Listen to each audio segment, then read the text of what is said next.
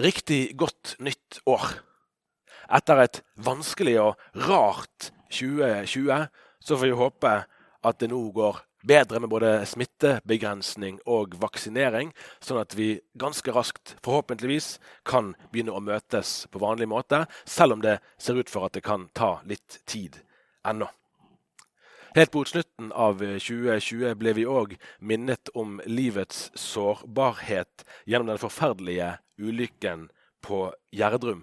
Det er vanskelig å forestille seg hva de må ha gått gjennom, de som opplevde at grunnen under husene deres plutselig forsvant helt uten forvarsel. La oss huske på de mange som er berørt av dette, og ikke glemme at vi som mennesker alltid er avhengige av hverandre. For eh, Kristkirkens del begynner vi nå vårt andre år i nye lokaler, men det har vi dessverre fått begrenset glede av så langt. Så la oss òg i menighetsfellesskapet fortsatt være ekstra bevisste på å ta vare på hverandre, særlig de som kanskje ikke har så mange rundt seg. På årets første dag hilste Leif Tore Solberg oss andre i Eldsterådet med å sitere fra profeten Hosea i Det gamle testamentet, kapittel 6 og vers 3. Der står det La oss lære å kjenne Herren, la oss jage etter å kjenne Ham. Sikkert som soloppgangen kommer han, han som han kommer til oss lik regnet, lik vårregnet som hveter jorden.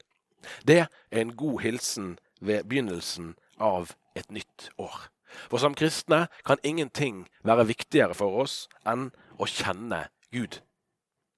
Kanskje kan vi våge å be om ny åpenbaring av det mennesker har fått tro og erfare gjennom generasjoner, nemlig at Kristus er sannelig blant oss. Dette året skal vi i Kristkirken gjøre noe som vi har gjort noen ganger før, nemlig å forkynne oss gjennom en bibelsk bok i sin sammenheng.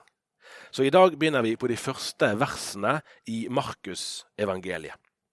Ved å gå gjennom et helt evangelium får vi tegnet et sterkt, et fargerikt og et nyanserikt bilde av Jesus Kristus. Det vil forhåpentligvis bli både inspirerende og utfordrende. Det vil nok bli både tankevekkende og kanskje òg noen ganger opprørende. I alt dette kan vi be Den hellige ånd åpenbare ordet, slik at det blir til liv for oss. Og ikke minst kan vi be om at evangeliet om Guds frelse gjennom oss kan bli kjent for flere. Jeg tror vi gjør klokt i å ikke bare konsentrere oss om hvordan vi kan formidle Jesus til vår tids mennesker, men også å våge å snakke ordentlig, helt grunnleggende om hvem Jesus er. Ikke bare glansbildet av ham eller en polert utgave tilpasset vår egen tid og våre egne omgivelser, men hvordan han faktisk opptrådte, og hvordan han fremstår når vi leser om ham i Bibelen. Sannsynligvis får vi oss da noen overraskelser. Så la oss begynne med en mental tidsreise. Vi befinner oss i Rom en kveld mot slutten av 60-årene. Ikke 1960-årene, men 60-årene, altså for nærmere 2000 år siden. De kristne i Romerrikets hovedstad har vært gjennom store vanskeligheter. Etter bybrannen har keiser Neros forfølgelser krevd manges liv. Noen har blitt kastet til villdyrene, noen har blitt brent. Både apostelen Peter og flere andre har blitt korsfestet. Menigheten har måttet gå under jorden. Men det hindrer ikke at flere har blitt lagt til. Markus, som var apostelen Peters yngre medarbeider, han er fortsatt i Rom. Nå har de eldste i menigheten der bedt han gjenfortelle det Peter har fortalt ham. I skjul for myndighetene gjengir han det vi i dag kjenner i skriftlig form som Markus evangeliet. Om Jesus fra Nasaret, hans ord, hans gjerninger, hans lidelse, død og oppstandelse. Markus blir bedt om å skrive ned det han har fortalt, og han gjør som han blir bedt om. Det skjedde nok ikke akkurat på denne måten, men omtrent slik kan det ha foregått. Neste skritt i tidsreisen tar oss til Bergen mot slutten av 80-årene. Bergen frikirke er en gammel menighet, men den samler ikke bare gamle mennesker. Tvert imot. De fleste er unge, og mange har en dyp lengsel etter å kjenne Jesus bedre. Anført av pastor Reidar Paulsen går menigheten gjennom Markusevangeliet, og det blir senere utgitt en bok der prekenene fra denne gjennomgangen blir samlet. Illustrasjonen jeg nevnte for det gamle Romerriket, er hentet fra denne boken. Og så er vi tilbake i vår egen tid. Bergen på begynnelsen av 2020-tallet. Kristkirken i Bergen er en drøyt 25 år gammel menighet. Den opprinnelig nokså unge medlemsmassen har blitt noen år eldre. Samtidig har mange unge, ikke minst mange unge familier, kommet til. Mange har en dyp lengsel etter å kjenne Jesus bedre. Ledelsen i menigheten har tenkt og bedt og lurt på hvordan de kan legge opp forkynnelsen slik at denne lengselen får næring. De velger å prøve en oppskrift som har vært prøvd før, nærmere bestemt drøyt 30 år tidligere. De vil sette av tid, faktisk nesten et helt år, på å gå gjennom Markusevangeliet fra begynnelse til slutt. Håpet er at menigheten skal kunne si som Emmausvandrerne, de som møtte Jesus på dagen for hans oppstandelse, og som utbrøt Brant ikke hjertet i oss da han talte til oss på veien og åpnet Skriftene for oss. Man kan få informasjon om Jesus fra mange slags kilder. Man kan få kunnskap om han fra mange slags studier. Men bare Den hellige ånd kan skape den virkelige brannen i hjertet. Den som driver oss til etterfølgelse av Jesus, til fornyet tillit og kjærlighet til ham. Her er tre spørsmål som vi forhåpentligvis vil kunne svare på underveis. 1. Hva sier denne teksten oss om Jesus? Hva er det Markus vil at vi skal få vite om den Jesus som han trodde på og bekjente? På hvilken måte utfyller teksten det bildet vi alt har av Jesus? Hva er det som må korrigeres i det bildet vi alt har av Jesus? 2. Hva sier denne teksten om hva Gud vil gjøre for oss? Vi skal ikke bare spørre historisk om hvordan Gud den gangen handlet gjennom Sønnen, selv om vi absolutt skal gjøre det òg. I tillegg skal vi spørre nåtidig. Hvordan vil Gud handle med mennesker i dag? Hva kan vi forvente at Gud vil gjøre blant oss i dag, med oss som leser og hører Ordet? For hebreerbrevet lærer oss at Jesus Kristus er i går og i dag den samme. Tre. Hva sier teksten oss om menighetens oppdrag? I første instans er evangeliene fortellinger om hva Gud har gjort og vil gjøre for oss gjennom Jesus Kristus. Hans frelsesgjerning er gjort en gang for alle. Samtidig står Jesu tjeneste som et forbilde for oss både som enkeltkristne og som fellesskap. Menigheten er kalt til å fortsette Jesu gjerning i verden. I Johannes 20, 21 leser vi at like som Faderen har sendt meg, sender også jeg dere. Like før jul nå var det en eh, debatt i den eh, kristelige pressen om hva som skal til for å være en prest. Hva slags utdannelse man trenger og kompetanse.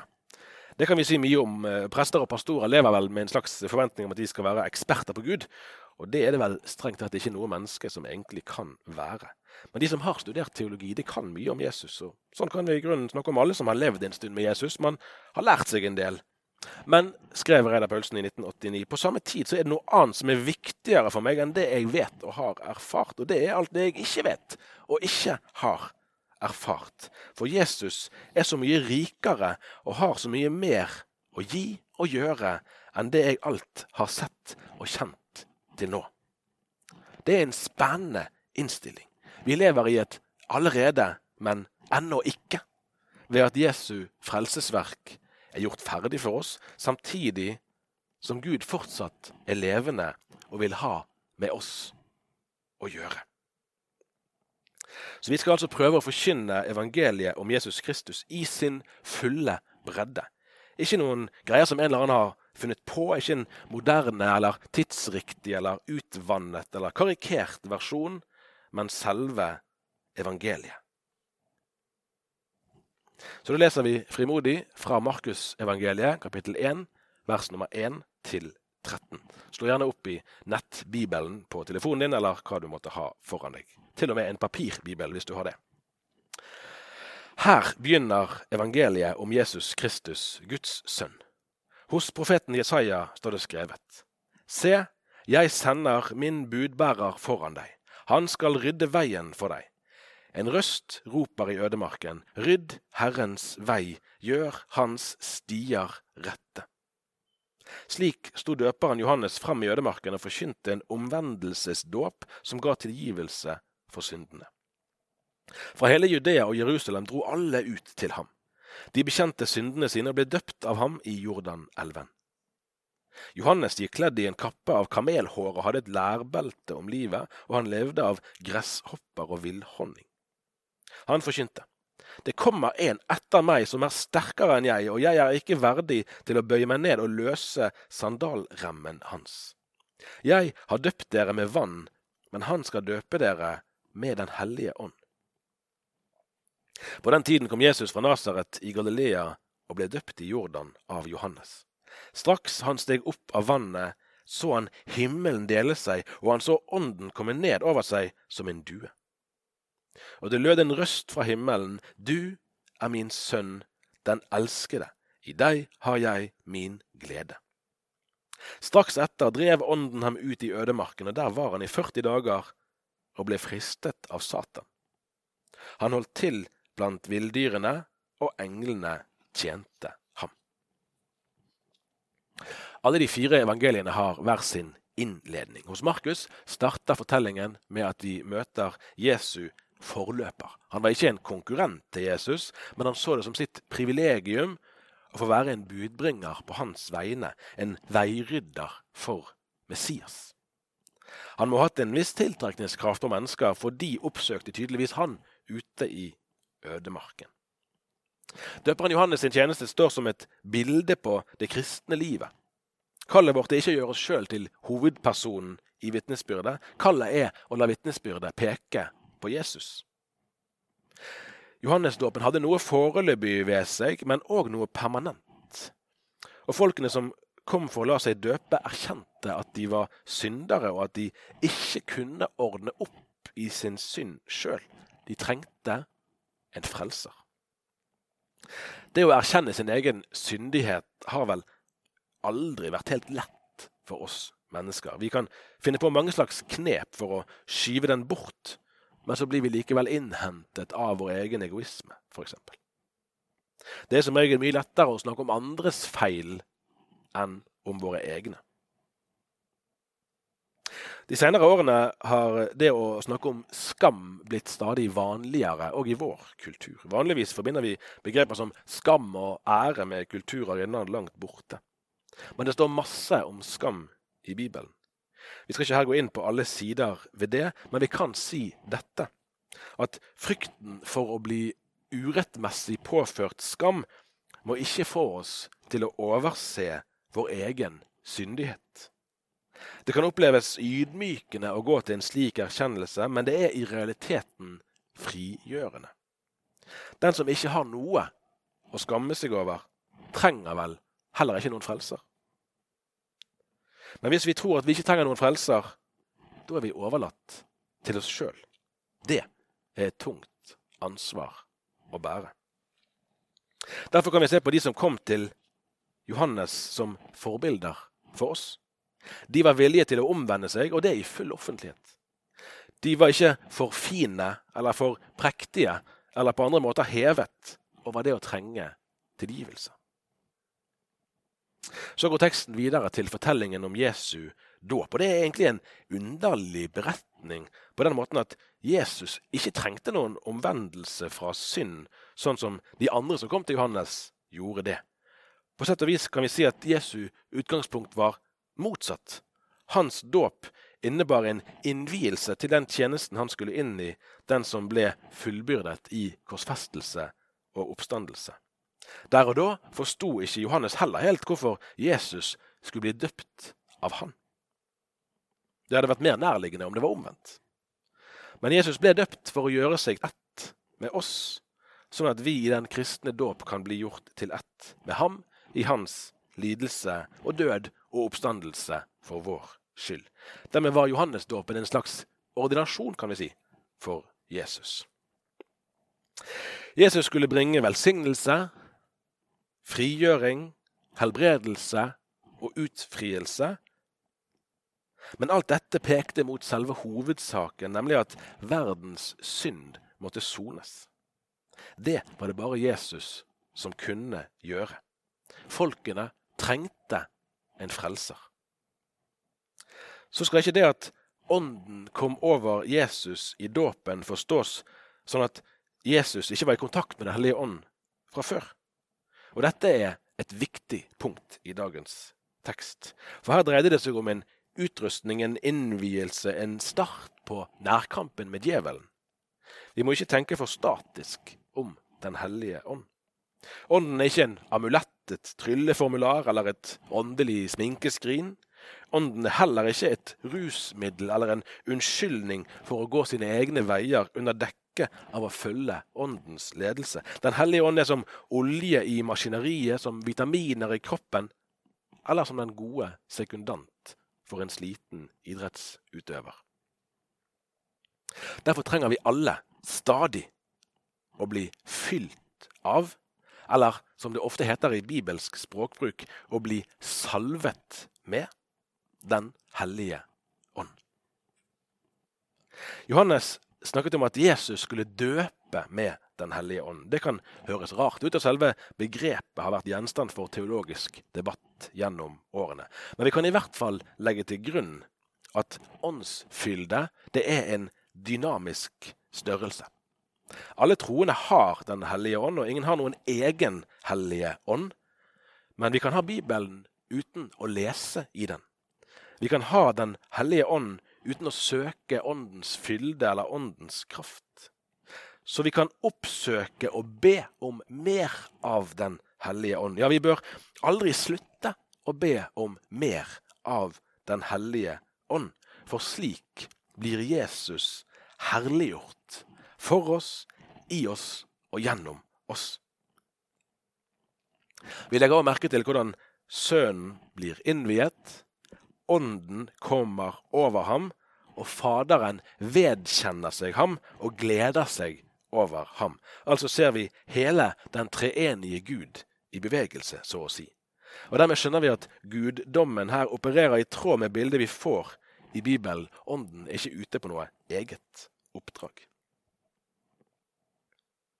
Og så var det rett inn i kampens hete. Straks etter, leser vi, ble Jesus av Den hellige ånd revet ut i ørken. Der skulle han ikke på retreat, han skulle ikke på spa. Det hadde nok vært langt mer bekvemt. Jesus skulle fristes av djevelen. Åndsfylde og åndskraft trengs som mest nettopp i kamp. Og det kristne livet består av kamp, antagelig i større grad enn vi i vår norske virkelighet innser.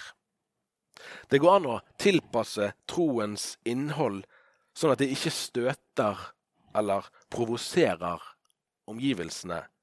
Men er det da en sann gjengivelse av det evangeliet Jesus forkynte og demonstrerte? Det spørsmålet kan det være verdt å tenke nøye over. Så til de tre spørsmålene. Hva sier teksten oss om Jesus? Han blir etablert som Guds sønn, og dermed som mer enn en profet, mer enn en veirydder. Han blir presentert som den som skal døpe med Den hellige ånd. Hva sier teksten om hva Gud vil gjøre med oss? Vi kan bruke litt ulike ord på det, men kallet til å la seg istandsette, utruste, styrke eller døpe av Den hellige ånd, det står ved lag. Det kan ta ulike former og komme til uttrykk på ulike måter. Og målet er ikke at det skal skje akkurat på samme måten som det gjorde når jeg var ung, eller når jeg gjorde noen spesielle erfaringer med Gud. Målet er at Jesus skal bli stor for oss og for flere. Vi skal få se ham i et nytt lys, sånn at det styrker troen vår, gir oss ny frimodighet og gjør det synlig for flere at Guds rike er kommet nær. Hva sier teksten om menighetens oppdrag? Vi vet ikke så mye om hvem det var som kom for å, seg døpe, for å la seg døpe av Johannes. Sannsynligvis var det alle slags mennesker. Kallet til omvendelse skulle alltid være aktuelt i den kristne menighet. Ikke fordi vi skal stå med luen i hånden overfor hverandre, eller fordi vi skal bli nedtynget eller skamfulle, men fordi Guds kjærlighet driver oss til omvendelse. Denne omvendelsen, som i sin tur fører til et sant gudsbilde og et sunt selvbilde, minner oss både om hva Jesus har gjort for oss og for alle, og om at vi er avhengige av ham, ikke av oss sjøl, for at evangeliet skal nå flere. Hjemme hos oss så vi på NRK sin adventsserie Stjernestøv.